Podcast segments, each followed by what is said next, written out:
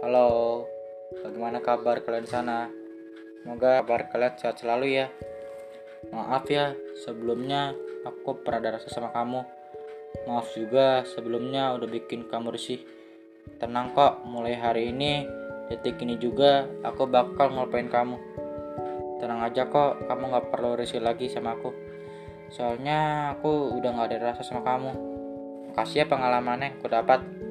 Bahwa jangan terlalu suka sama seseorang sedalam-dalamnya.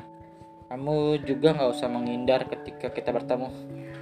Hahaha, terlalu pede sekali saya. Buat apa dia menghindar? Seharusnya saya menghindar.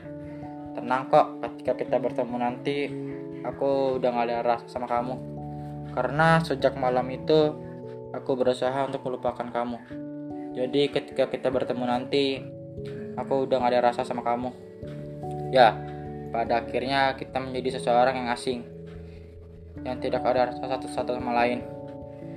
Maaf ya sebelumnya ke sana kayak ngemis. Tenang kok, itu nggak akan terjadi lagi. Ya kok aku sadar, selera aku ketinggian. Mana mungkin sih cewek sepintar kamu dan cantik. Kamu seleranya aku yang nggak ada kelebihannya. Ya, akan ada saatnya yang maju tidak selalu menang. Buktinya tarik tambang, dia yang mundur, dia yang menang. Ya, akan pada masanya hati ini tidak ada rasa sama sekali kepada seseorang. Suatu saat jika kamu butuh seseorang, kamu bisa hubungi aku. Aku akan selalu welcome. Ya sudahlah ya, mari kita buka halaman baru yang sudah berlalu biarkan berlalu. Lebih baik aku buka halaman baru. Mungkin ini akhir kata dari podcast ini. Mulai sekarang fokuslah pada dirimu. Lupakan dia yang pernah menyakitimu. Lupakan rasa sakitnya atau kamu tidak tahu bahagia. See you next time.